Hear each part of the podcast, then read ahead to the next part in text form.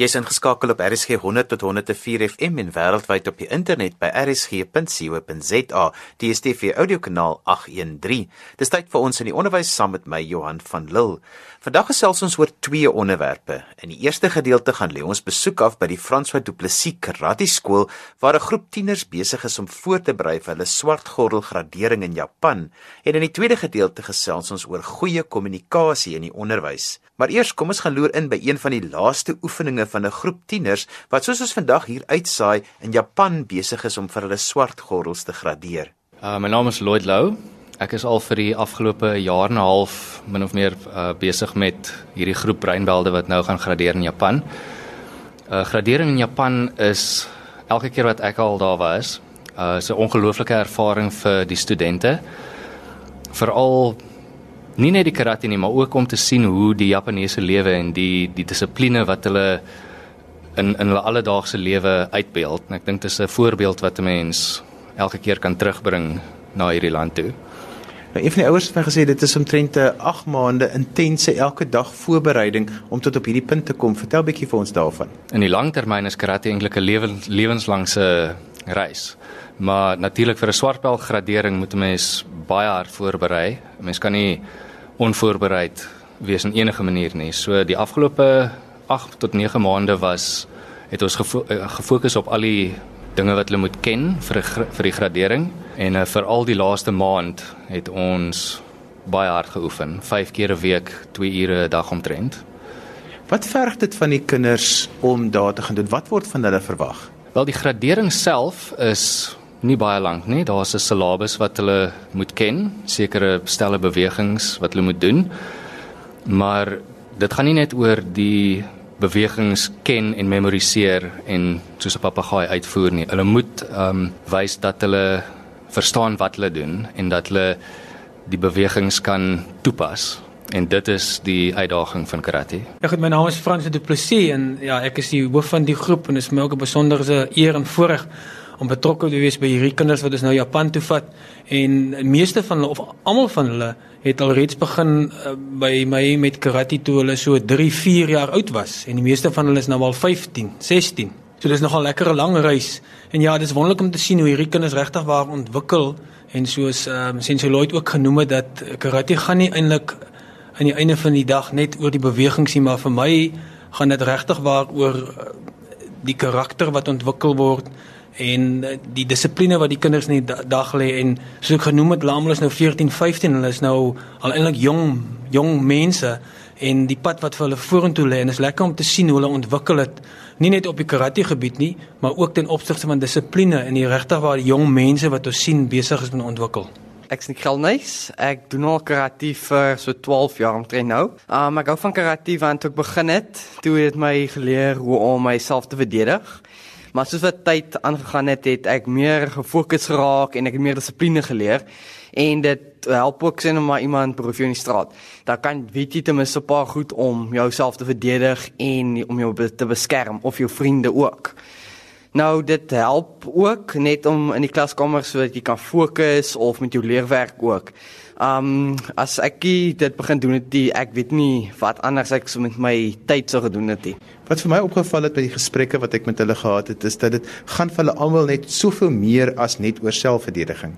Ja, beslis. Ek dink um selfverdediging in karate is mos maar eintlik aan die einde van die dag 'n deeltjie daarvan. Soos ek nou genoem het, is ek dink deur jare lank as mens karate doen en mens beoefen dit en die dissipline en die karakter wat ontwikkel as mens. Ek dink mense leer myself ken en dit is lekker om te sien hoe die kinders groei en hoe hulle verander en waar hulle nog klein kindertjies was en hoe hulle begin verantwoordelik optree. Ek dink dit is vir my een van die belangrikste punte. Nie net om 'n swart bel te kry nie. Ja, dit is ook baie belangrik. Ek sê altyd uh, soos 'n ou Japaneese ou gesê het, 'n belt is only there to keep up the pants. En die belt vir my moet eintlik in die student of karateka se hart lê. En as hy daar swart belt kan raak, wel dan het ek as instrukteur my doel bereik. My naam is Leon van Wyk. Karate het soos my lewe geword. Ons oefen soos amper elke dag. Ek hou van karate want dit is iets anders as alle ander sporte. Dit leer jou dissipline en respek. Dit bevorder net soos jou mental of jou geheue dat jy net aan iets anderster soos buiten jou normale aktiwiteite kan dink. So dis basies hoekom ek van karate hou.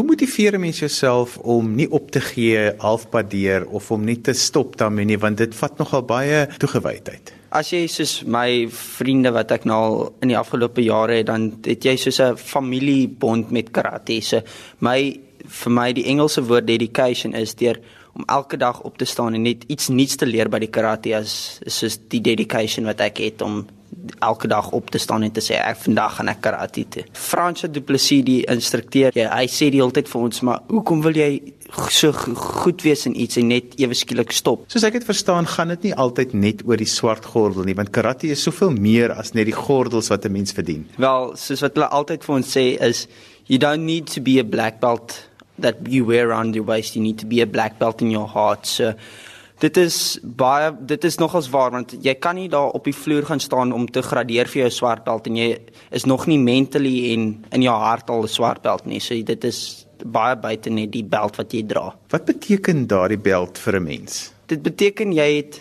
jy het nie opgegee nie. Dat jy net die uithou vermoë gehad het om aan te hou met karate, soos wat baie mense deur die jare net sal stop en nie, en opgee.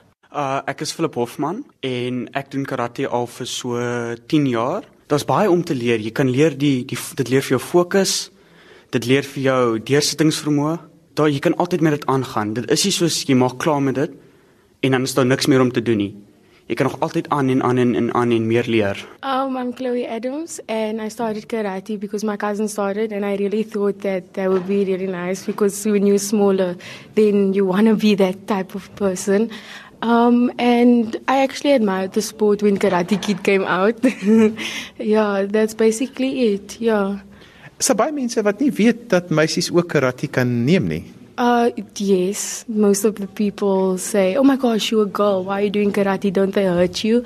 Yeah, I encourage all girls to actually take karate. It's a nice weapon if you are in a, a difficult situation because most people underestimate girls a lot. Wat het jy oor die jare geleer uit karate uit? Uh respect, like you need to respect everybody even though you're more advantaged and all that. And I use that a lot. Yeah, same with small children. You need to respect them and they need to respect you. That's basically how I learned my respect from karate and from my parents. My naam is Corney Bekes. Ek het ook karate gedoen het. Um My ouers het was op 3 jaar oud met ek te veel energie gehad, toe was hy ontslae raak daarvan en toe het ek nooit opgehou nie en nou sê ek hier waar ek is ja. Wat is oor die jare vir jou die grootste uitdaging om aan te hou met karate? Ek het baie tye gehad waar ek opgehou het, maar my ouers het my deurgedruk. Deursetting so mooi en um uh dat ek al die medaljes gewen het by ESA het my ook meer positiewe gemaak oor um karate en dat ek hoor en hoor opgeraak het met die range van die belde. Ja. Oor die jare, watter waardes dink jy het karate by jou ontwikkel? Um, ek het meer dissipline geleer, uh, respek en hoe om meer vinniger vriende te maak en hoe om beter te fokus. Jy gaan nou gradeer vir jou swart belt. Wat gaan dit vir jou beteken? Uh dit gaan vir my baie beteken want uh, dit sou ek aangehou met karate om my swart belt te doen en ek gaan nog probeer om nog aan te hou solank as wat ek kan om my volgende swart belde te bereik en dit beteken baie vir my ja en my ouers. Oor die jare as 'n mens karate doen, dan is alles nie net suksesvol nie. Mens beleef ook baie keer mislukking. Hoe het jy daarmee gedeel? Ag ek het dit um, gehanteer om om want ek het gestreef na beter as ek verloor het in 'n bekleierery of so, toe ek net meer ingesit en partykeer het dit ehm um, partykeer het gewerk, partykeer nie, maar jy leer vinnig, ja. Wat is ander mense se reaksie as hulle hoor jy neem karate of jy is nou al vinnig op pad na jou swart belt toe wat om die draai lê? Wat is mense se reaksie as hulle dit hoor? Ag, um, vra altyd um, hulle vra altyd vir my soos om vir hulle goed te wys en hoe om bygee vir die mense en hoe is dit en ja en so voort, ja. Wat is vir jou die belangrikste eienskappe van 'n kind wat by jou wat jy voel het sukses behaal in karate? Ek dink 'n kind wat dissipline het, definitief manier, wat maniere het te goed. Ehm um, dit is belangrik, maar dit kom ook natuurlik met met met tyd. Ek dink baie kinders wat ons begin met karate kan mens sien aan die begin het jy eintlik dissipline nie. Hulle kyk en hulle luister nie. Ehm um, hulle baie van hulle is ongemanierd en hoe hulle regtig waar groei en hoe hulle dan met die tyd verander want karate is 'n dissiplinêre sport. Dit is lekker vir 'n kind om sy karate pak aan te trek, te werk vir iets en die feit dat hy werklik waar hard werk vir iets, ek dink dit bring ook 'n groot verandering in daai kinders se persoonlikheid teweeg. En so gesels Franse Du Plessis van die Franse Du Plessis Karate Skool. Vir meer inligting oor karate en onderwys, besoek gerus hul webtuiste by www.fdoopkarate.co.za. Dit is www.fdoopkarate.co.za. In die tweede gedeelte van vandag se ons in die onderwys gesels ons oor kommunikasie en hoe belangrik dit is vir skole om kommunikasievaardighede by hulle leerders te ontwikkel. My gas is Pieter Cronje en hy's 'n kommunikasiekundige. Hy bied gereeld werksessies aan vir skole, onderwysers en leerders. Pieter, kom ons gesels oor kommunikasie. Dit gaan oor baie meer as net praat, lees en skryf. Dit gaan oor betekenis, insig en om dit te deel van die een bron na die ander. Wanneer ons 'n brug wil bou, dan vind ons 'n ingenieur, as ons 'n operasie nodig het, vind ons 'n goeie dokter, maar ons kan mos almal praat en lees en skryf, so wat is nou so spesiaal daaraan? Ek dink nie ons moet dit kompliseer nie want ons het dit daagliks nodig. Ek dink ook nie ons moet dit onderskat nie. Dit is 'n vaardigheid wat 'n mens moet bly leer.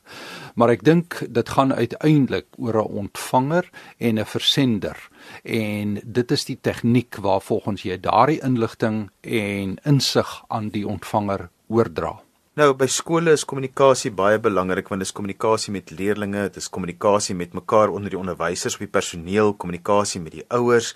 Wat het dit alles met mekaar te maak? Dit is die gom wat alles aan mekaar hou. Dit is werklik die uh instrument wat ons nodig het om 'n skool te laat funksioneer of 'n leeromgewing te laat funksioneer. Ek dink mens moenie net sommer inspring met al die tegnieke en dit amper half meganies benader nie. Kom ons begin by die klas.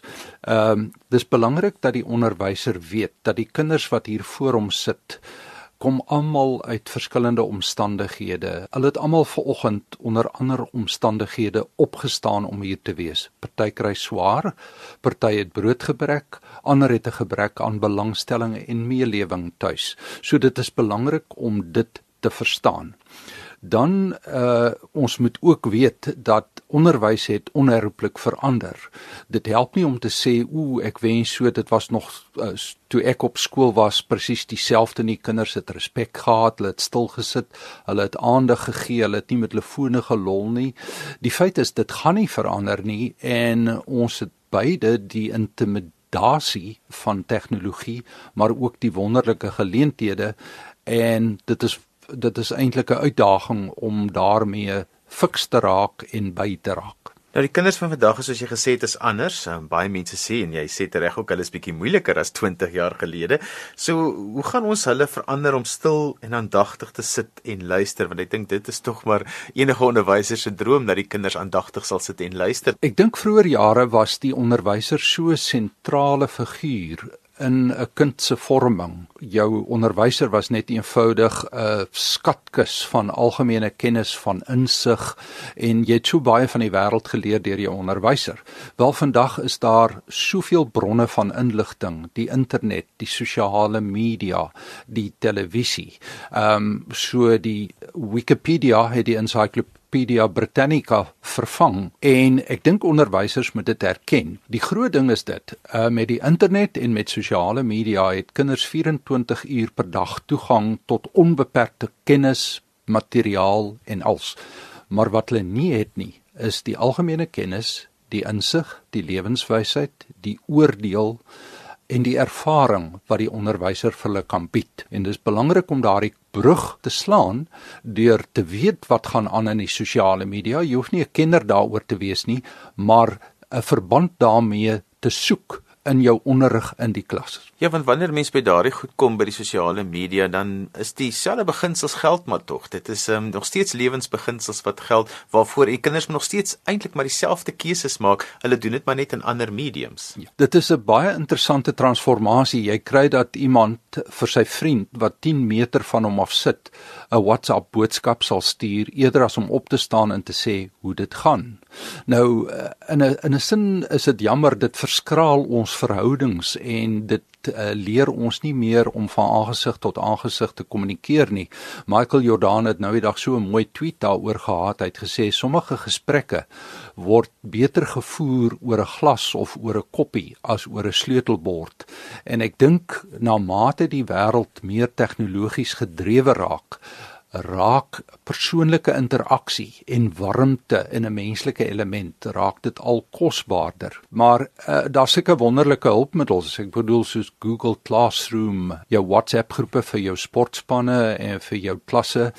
'n uh, Ander interessante ding is omdat met sosiale media is jou netwerk nooit af nie. Jy het altyd kontak met mense selfs van twee dekades gelede.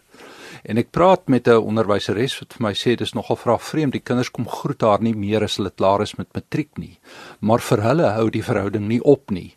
Paar jaar gelede sou jy waarskynlik nooit weer daardie onderwyser in jou lewe gesien het nie. Ek dink wat ook belangrik is en 'n mens sien dit in die onlangse voorvalle in die media is dat ehm um, kinders moet daai oorsaak en gevolg van wat ek retweet wat ek aanstuur. Daai impuls om deel om jouself uit te druk in sosiale media want dit verdwyn nooit weer nie maar jy met 'n breekdeel van 'n sekonde se oordeelsfout kan jy jou hele hele toekoms eintlik vernietig as jy nie mooi dink oor hoe jy kommunikeer op hierdie sosiale media nie. En dit geld vir kinders. Dit is 'n baie groot risiko. Ehm um, dit kan wees dat een tweet eendag swaarder tel in 'n beursaansoek of 'n werksaansoek as al jou matrieksimbole. Dis hartseer dat dit so moet wees, maar as jy iets rassisties, onaanvaarbaar of kru gesê het, op jou sosiale media sal 'n werkgewer of 'n beursgewer net sê nie ons soort mens nie, nie ons soort materiaal nie, kom ons hou verby en dis hartseer. En ek dink dit is baie belangrik om net soos ons mense leer om woede te beheer, om eerder te praat as om te beklei as om te skel is dit belangrik dat ons dit deel want ehm uh, mense ry op die kruin van adrenalien. Daar's 'n sosiale gesprek.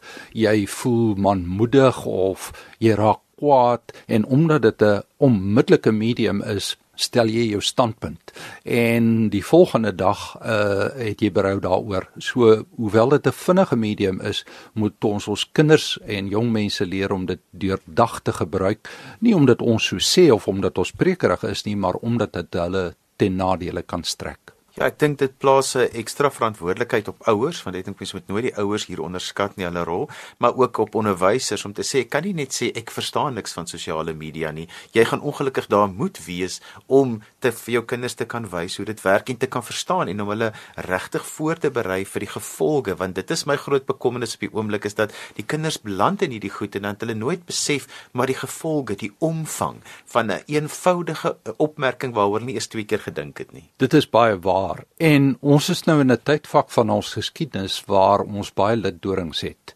Ons is verskriklik uitermate sensitief vir sekere woorde, vir sekere uitsprake en dit is dit is die realiteit en ons moet da, met daardie realiteit werk soos hy is en nie soos ons wens hy soos ons wens hy moet wees nie. So ehm um, ja, ons moet mense daarvan bewus maak dat daar ongelukkig gevolge is. Jy kan dit nooit weer wegwerk nie. Maar ek dink die uitdaging vir onderwysers is is die volgende. Uh eerstens, dis soos elektrisiteit. Jy hoef nie te weet hoe om dit hoe dit opgewek word nie. Jy moet net weet waar is die skakelaar om dit aan en af te sit.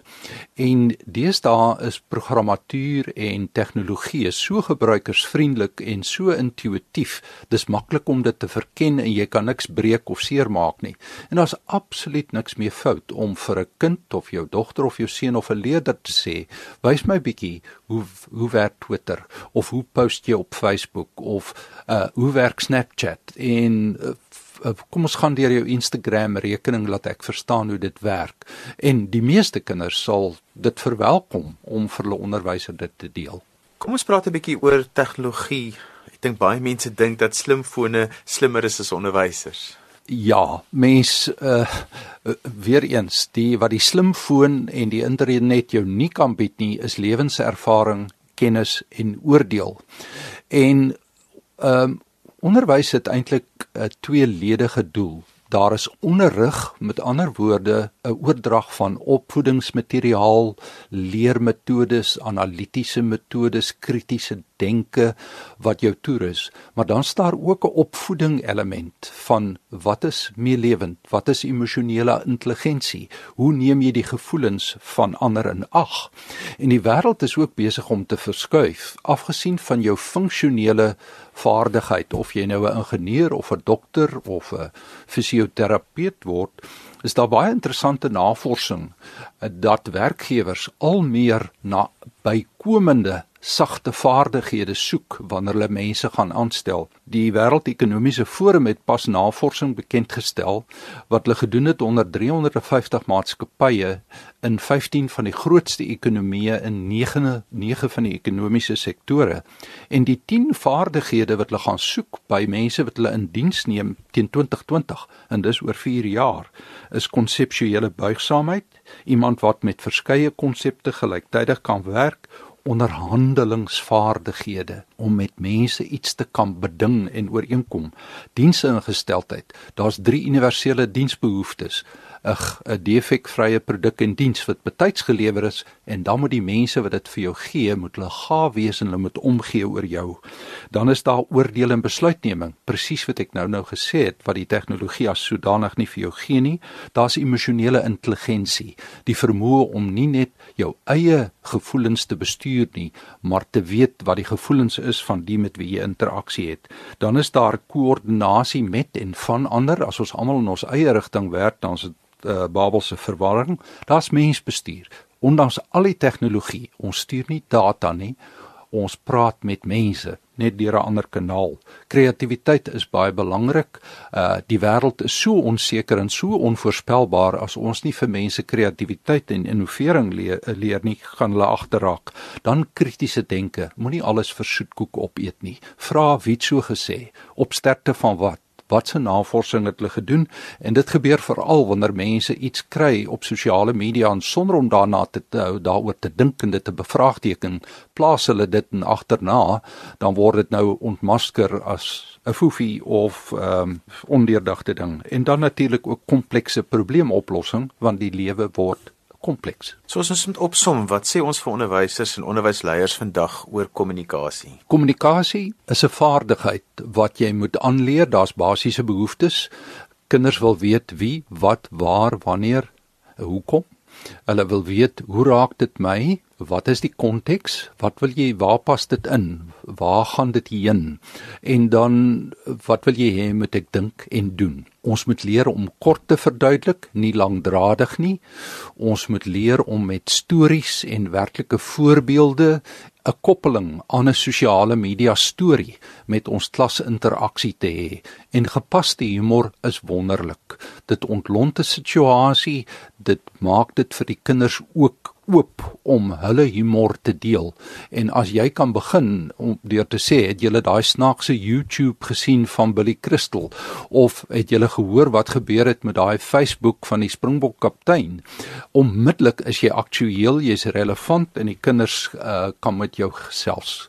Ehm um, So ek dink dit is 'n opwindende geleentheid waarby waarby ons steeds moet aanpas, nie geïntimideer voel nie. Ehm um, jy kan nie oulik wees met alles nie maar omarm die nuwe uitdagings in wêreld. Pieter, as skole met jou wil kontak maak, hoe kan hulle doen? My webwerf is www.pieterkronje.com. My e-posadres pieter@pieterkronje.com. Hulle kan my ook skakel op 082 465 4965. Dis en alwaar vir ons tyd het vandag. Onthou jy kan weer na die program luister as 'n potgooi. Laai dit af by rsg.co.za. daarmee groet ek dan vir vandag tot volgende week van my Johan van Lille. Totsiens.